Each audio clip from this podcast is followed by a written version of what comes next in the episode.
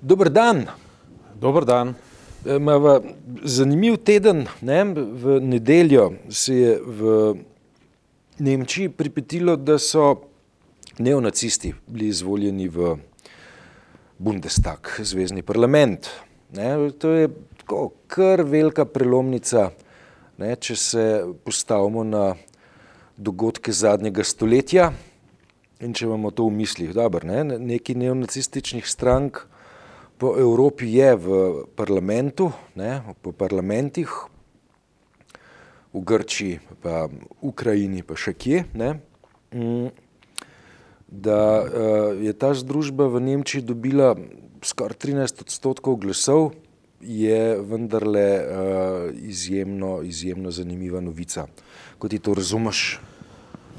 Uh, ne bi vzel tako tragično vse skupaj, vzel bi pa v kontekstu uh, dogajanja po celotnem svetu, ne, ker je pač ta globalizacija v povezavi z kapitalom naredila svoje in ljudje pa se pač poskušajo zagraditi.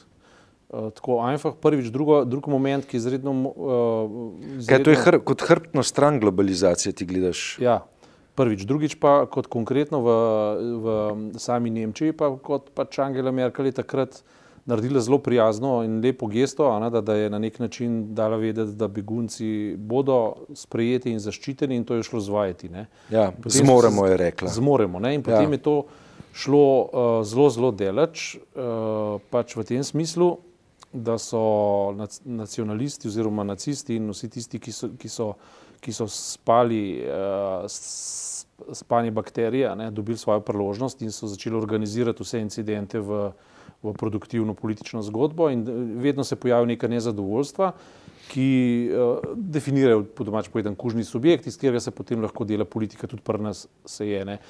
Um, ampak v sami Nemčiji, jaz mislim, da Nemčija je dost visoka razvita demokracija in zna teh 11% uh, za enkrat še predelati, če se seveda svetovni kontekst ne bo drugače umestil. Mislim, ampak zdaj, svetovni kontekst je tak ta, ne? mislim, da imamo na drugi strani Atlantika nekoga, ki je da je uporabiti prijazne besede, skrajni populist. Ja.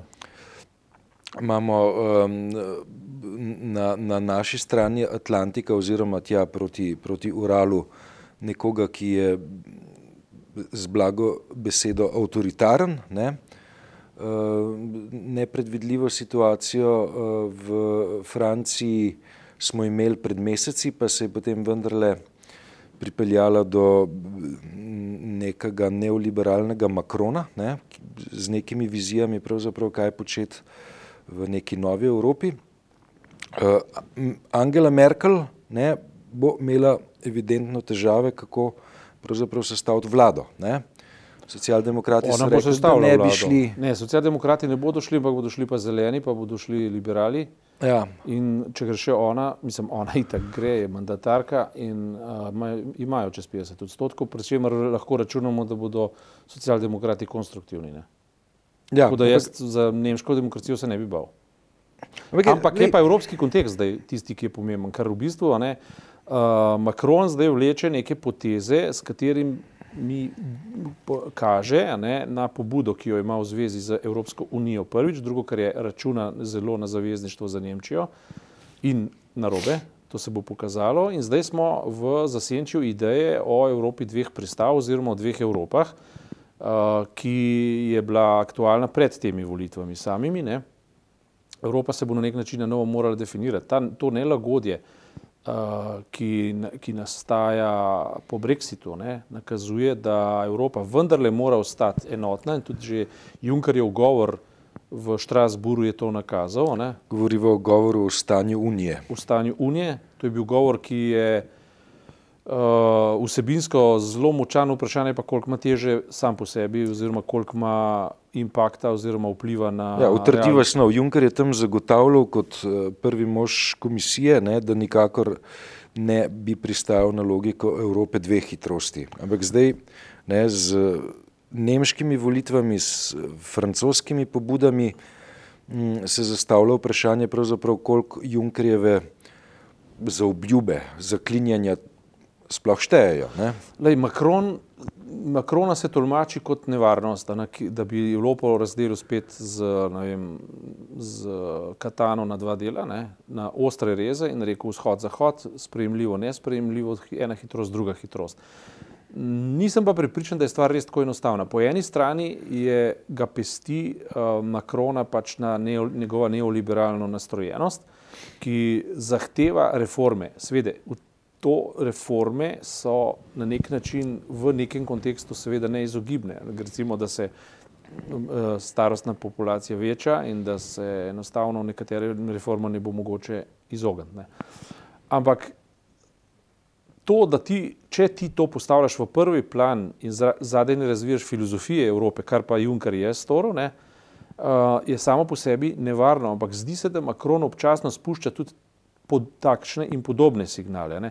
In Macron mi deluje kot rahla neznanka ne, v tem smislu. Ne. Ali on misli evropsko ali ne zmore misliti evropsko. Včasih spušča signale, da misli evropsko kot Evropa, kot civilizacijsko evropsko, včasih da, raz, da razmišlja samo neoliberalno. Hkrati bo Nemčija zdaj pri, pod Angelo Merkel bo predvidljiva, ampak bo pa postavljena vloga, da bo treba Evropo na novo definirati. No in v ta kontekst se zdaj postavlja um, uh, Višegrajska skupina, ki vehementno poskuša zavračati nekatere prvine, ki pa Evropo delajo pravzaprav Evropo, civilizacijsko Evropo, kakršna.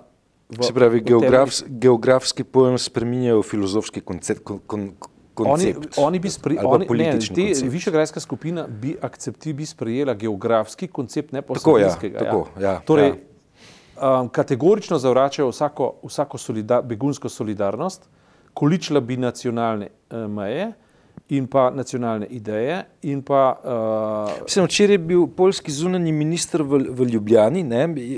Zanimivo je bilo njegovo izmikanje ne? na, na vprašanje kolega Tomaža Grdena z Radia Slovenija, kako so zdaj rešili težavo um, vezano na neodvisnost sodne veje oblasti. Ne? Ja. Rekel, nobene težave ni, tukaj ni, ni nobenega spora z Evropsko komisijo oziroma z Evropsko unijo. Imamo samo dialog, ki je produktiven, mora pa eh, Evropska unija razumeti, ne, da to, kako bomo mi organizirali sodstvo, to je pa naša stvar. Ne, to pa, ravno to ni res. Ne? Ne, ne, to, to je razložil, to, to, to ni res. In to zelo vehementno. Evropska unija na tem stoji ali pa pade. In Poljaki tega ne. No, ne... Ampak potem je rekel, ne, Tomaš je še mal šrauf, pa je rekel, ja, lejte, mi se samo v upravno, v, v upravno strukturo sodstva se utikamo na kraj pameti, nam ne pade, ja, ne, da, da bi vsebinsko. se vsebinsko v neodvisnost sodstva petlal. Ne. Ja. Jaz, ne, zdaj, kje, kje je meja med uh, upravno strukturo, predsednikom sodišča in um, vsebinsko, vsebinskim odločanjem oziroma vsebinskim umešavanjem v um, odločitve sodstva, ne, seveda zelo relativna reč. Ne. Ja, tukaj gleda, gledalca napotujem um, na en članek, ki ga je danes, danes je sreda, ne, od sreda do srede, napisal MMC, povzel pa je politiko, tednik politiko, v katerem lahko preberemo uh, pač v angleščini članek o tem, kako se Višegrajska skupina poskuša spopadati z, z um, vsemi neprijetnostmi, seveda, ki prihajajo z, iz uh,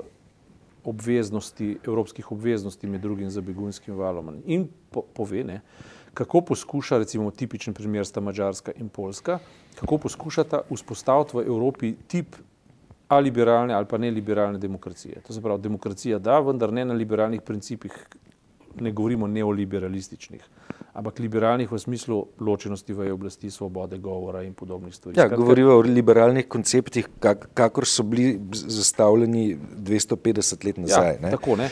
Le, veš, veš, kaj je mene zbegal včeraj? Uh, namreč uh, to, to, kar je um, govoril uh, zunani minister, slovenski Karl Rjavc, pa ja. kar je govoril polski zunani minister, ne, je. Um, dal misliti, ne, da pravzaprav se Slovenija pa Poljska vsem strinjata. Ne. Ne, se, se pravi, ja, upam, slovenska, ne, no. slovenska zunanja politika je tako zelo na široko odprla roke za to, da povzamemo, prevzamemo razumevanje um, Evropskega vzhoda, po mojem oceni, ne, bi pa morala Slovenija zelo intenzivno pošiljati signale, ne, da nas zanima sever, severozahod. Sploh ni diskusije, predvsem nas zanimajo in morajo zanimati vrednote, ki stojijo za evropsko pravno ureditvijo. Ne. To se pravi vladavina prava, absolutno, potem ločenost v oblasti, absolutno, potem pa Uh, vse dobro, ta, ta uh, ekonomi, ekonomski paket itak funkcionira, se pravi, da mora biti finance vzdržne, da mora biti uh, budžeti pošlihtani, urejeni in tako naprej. Ta del ne bova diskutirala, ima svoje dileme in ima, svoj, ima svoje prav, uh, pravilne teze. Ne. Ampak idejno gledano je pa tako, ne, privrženost vladavini prava mora biti uh, v, v pr, prvo in to se že v Piranskem zalivu vidi, kako nam to pride, če, če um, v bistvu stojimo na um, pravi strani vladavine prava, ne, če tako rečem. Ne. Se lahko na, ne, na njega sklicujemo in so vnaprej predeljivo pravila. Potem druga stvar, uh, pridobitve moderne družbe in modernih držav so za nas bistvenega pomena, zaradi tega, ker je vsako drsenje v nek predmoderni atavizem, kot se zdaj kaže v Ameriki, se kaže na Mačarskem, se kaže na Polskem,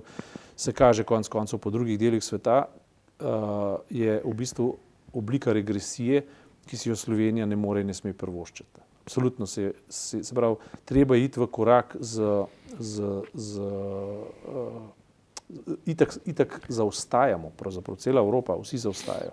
In tisti, ki se zdaj borijo za Evropo, v nekje v ozadju je slutiti, da vendarle poskušajo ohraniti te moderne vrednote, ki so konstituirali humanizem, evropski in svetovni. Ne. In to je imperativ. Jaz mislim, da je to popoln imperativ in, in končno, ne, uh, evropska unija, ki bo Slovenija na teh vrednotah, je naklonjena malim narodom, kot so Slovenija, Slovaška in tega se Slovaki zavedajo, tega so se začeli celo Čehi zavedati. In Čehi in Slovaki, govorim, zdaj, govorim spet o tistem članku v politiku, kjer avtor razglablja, kako višegrajska skupina še zdaj ni več enotna v drugih zadevah kot izključno v zadevah begunstva. Vse ostalo imajo pa že diferencirane odzive in diferencirana razmišljanja in, in, in misli predvsem Čehi in Slovaki že razumejo, da je uh, treba neko vrednostno matrico modernosti prevzeti in jo peljati naprej in se v tem smislu na, nasloniti na, uh, ko ne rečem, severno in zahodno Evropo v podobni uh, schemi, kot razmišlja Slovenija. Oziroma upam, da bo še razmišljala naprej. Ne. Zdaj, kako je zunani minister Rjavc taktiziral z, za Polsko in tako naprej, jaz upam, da um, da je to jasno, ne, da Slovenija mora, da se Slovenija ne uvršča v višegrajsko skupino in se ne sme in ne more uvrstiti v višegrajsko skupino. Je pa seveda ekonomistična logika nekaj drugega, kot pa, kot pa je uh, politično-filozofska logika. Ne. Če vzamemo samo primer Polske. Ne. Polska je v času, ko je najbolj udrihala po Stalinu in Sovjetski zvezi, najbolj živahno poslovala in, in, in prebrodila recesijo s poslovanjem z Rusijo. Ne. To še vedno počne. Eh, in tiste dileme, ki so jih že enkrat omenjali, naj si mi še eh, taka gesla izrekamo proti Mačarski, ko pa, ko pa Slovenija in Mačarska poslujete po recimo glede drugega tira in glede tega poslovnih zadevščin, eh, je pa to čist druga zgodba. Vi ste imeli referendum ne, o tem. Ne, v, v Mačarski ne, mi smo ga pa o, o ja, referendum. Mačarska je del referendumskega paketa, ne? Bilo je neverjetno, zdaj prav, uh, referendum ni uspel za predlagatelje in vendar so razglasili, uh, da je vlada živčna, kako že ne vem.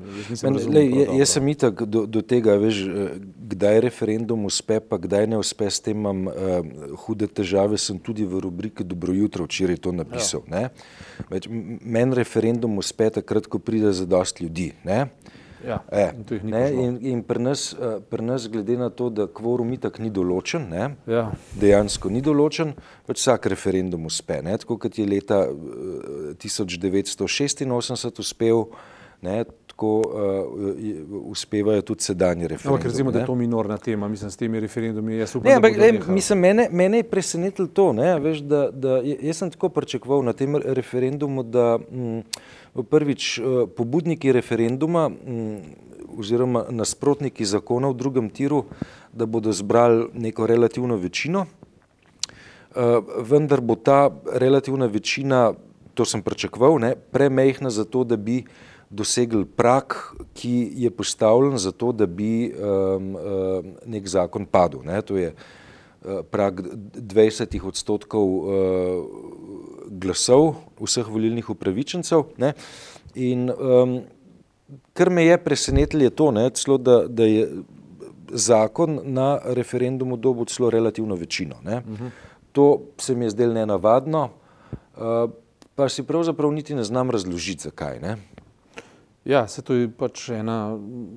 Jaz ne vidim tukaj velike neznanke, ne, ker ti strankarski in pa uh, ideološki aparati, ki so pač lahko organizirali pa zaposlili 100 tisoč ljudi, so zafunkcionirali, vse ostalo je pa abstiniralo z mano. Red, da, um, tukaj res ne vidim neznanke. Ne. Uh, bolj, bolj neznanko vidim preprosto v tem, ali bo govorjeno za Slovenijo in pa govorjeno za Evropo, ali bomo vzdržali pozicijo humanizma ali ga ne bomo v tem smislu. Uh, da bomo skreirali neko okolje, ki bo v, sve, v tem v globaliziranem in zakompliciranem svetu vzdržalo svojo pozicijo. To se mi zdi res bistvenega pomena. Evropski projekt se mi zdi ta trenutek bolj bistven kot pa vse ostalo. Naj, najbolj možen bistven. Vse Slovenijo se bo dal še na veliko diskutirati, ampak se mi zdi, da je zdaj zunanja politika pomembnejša od notranja. Ne? In tudi, edin, kar bi se mi pa zdaj pomembno, recimo, če se bo zdaj, kot berem, jaz sem sicer laik, ampak se bom dal podočiti v prihodnih tednih, ne? če zdravniki oziroma uh, o, o zdravstvenih reformah ne? ja. najavljajo nekaj referendumov. Tam Tako, se bo pa treba ja. dobro pripraviti, ker jaz mislim, da bo treba iti na ravni civilne družbe in pa na ravni uh, občanstva ali pa državljanstva v ofenzivo ne za privatizacijo oziroma ne za koncesionalizacijo zdravstva, ampak v obratno smer, da je treba izpult nazaj določene segmente in jih dati v sistem. Javni. Tako, javni sistem. Ja, sistem jaz mislim, da bo treba narediti, jaz mislim, da tukaj se bo pa treba angažirati in tukaj res nekaj narediti, ker to je pa ena od bistvenih stvari, ki jih Evropa tudi, uh, ki v Evropi so tudi problematične, kar je Juncker sicer blago nakazal. Ampak teza je, če, če ne bo imela Evropska unija na ravni celotne unije določenega minimuma socialnega in človeškega dostojanstva skozi delovanje socialnih sistemov, potem bo razpadla. In ti apetiti, kako se koncesionalizirati, kako se v vsakem zakotju nekje izuzemati iz javnega zdravstva, zobo zdravstvo je praktično že skoraj da razpadlo. Javno. Javno, ja. Javno je skoraj da razpadlo ja. v Sloveniji. To je treba postaviti zahtev, da ga je treba nazaj pripeljati v javni sistem in da bodo ljudje dobili tisto, kar jim po, po lastnem dostojanstvu pripada. Torej bele plombe. Ja. Mislim, a je, ja. a, a je to nerazumno stališče? Ja, lej, mislim. A je to nerazumno stališče, pismo? To, to je evropska in, in mislim, da je Macron celo v predvoljenem nagovoru o tem govoril, o, o protezah in belih plombah, če se ne motim. Celo, ne? Lej, mislim, meni je ne, nekaj optimizma Junkerjev govor, ne, se, ja. se še enkrat vračamo, vračamo na, na to točko, ne, čeprav je nekaj dni že minilo tega, ne, veš, da je vendarle vzpostavil Vse neko razmišljanje o, o situaciji, ki pa je za Evropo veljala ne, po drugi svetovni vojni, okay, z Marshallovim planom. Seveda, in, in Evropa to, država in to je blaginje, tako ne? žaljivo, da, da je minilo naše življenje od Marshallov, od, od, od neke ureditve, za katero smo mislili, da je mogoče samo še nadgrajevati, v bistvu smo šli po popolno recesijo. Pod ta standard smo padli ne? in to krepko. Ne, in ne smemo spregledati nečesa, kar se je ta teden zgodilo zelo pomembnega in to je uh, govor Tereze Majo v Firencah. Da ki ga hvalijo. Ta govor je bil totalno paternalističen, pokroviteljski, ta govor je bil bistvo, bistvo vsega problema, kar ga je Anglija oziroma Velika Britanija uspela sproducirati. Navrača imperi, če prav razumem. Ja, Nigel Farage je mi, je mi tem sicer izrazil razočaranje, je, ampak povedal pa je, kaj je angliška pozicija v jedru Brexita. Da se izuzamemo iz Evropske unije, da ne bomo več uh, predmet nekih regulacij, ki se jih nismo mi izmislili, ki jih mi ne določamo, in naš trg bo globalen trg, hkrati pa lahko partnersko sodelujemo, ampak tako, da mi vodimo igro pri obrambi, pri izmenjavi inteligence, skratka, posod tem, kjer so tradicionalno angliži močnejši. To je bil tako paternalističen govor, ne? neverjetno. Ne? In uh, tisto, kar je potem po evropskih časopisih Tereza May objavila, pa sploh kaže na to, kako dobro je, da se je Brexit zgodil. Zaradi tega, ker je ona je rekla, da je šlo za interno demokracijo, da Angleži nočejo biti vladani po nikomer drugem kot po samem sebi in da enostavno ne prenesejo nekega centra izven Londona, se pravi nekega Brusla. Ja, pravi, ne. V resnici ne, pa v bistvu ta intenca biti globalistična in globalna vele sila kaže ravno na to, ne, kako bodo v bistvu prelisičali lasten narod, ki je pa največji, največji žrtv globalizacije in kapitala, kateremu seveda v, v, v Angliji uh, služi oziroma od njega profitira mogoče promila ljudi ali nekaj. Malo, ja, zagotovo ne odstotek. Zagotovo ne odstotek in zagotovo je v bistvu vse gnev nekdo uspel prekanalizirati na kužni subjekt in v tem primeru je bila to Evropska unija in Bruselj v enaki meri, kot se kužni subjekt določa v vem, sirske begunce in potem Poljaki in Mačari. Največji profiteri evropskega proračuna in kohezivnih skladov naslavljajo najtežje besede. Skratka, to so kontroverznosti, ki so popolnoma nelogične in nesprejemljive. In uh, to, uh, kar je Tereza May v Firencah povedala, ne, kaže na to, da je v bistvu kakršen koli, uh, da bo kakršen koli dialog na to temo praktično izredno težak ali pa skoraj da nemogoč. Ne. Po, uh, pokazala je nek občutek za pravne zaveze, to se pravi, bomo svoje obveznosti bomo izpolnili, ampak hkrati pa vsi politiki že povedo, tega ne bomo plačali, onega ne bomo plačali v zadju potekajo debate, da po dveh letih do dogovora ne bo prišlo, potem bo pa pravno a, a, referendum izničen in potem gremo lahko po starem naprej in podobne stvari. Ne. Skratka, to je a, zanašati se na karkoli drugega zdaj, kot pa na, na rekel, osrednje začetno jedro Evropske unije je nerealistično in Slovenija mora na to staviti. Dejansko. Ne na Polsko, ne na Mačarsko. Francija, Nemčija. Sever in sever. Tako. Sever in sever in zahod. Tako. Hvala lepa.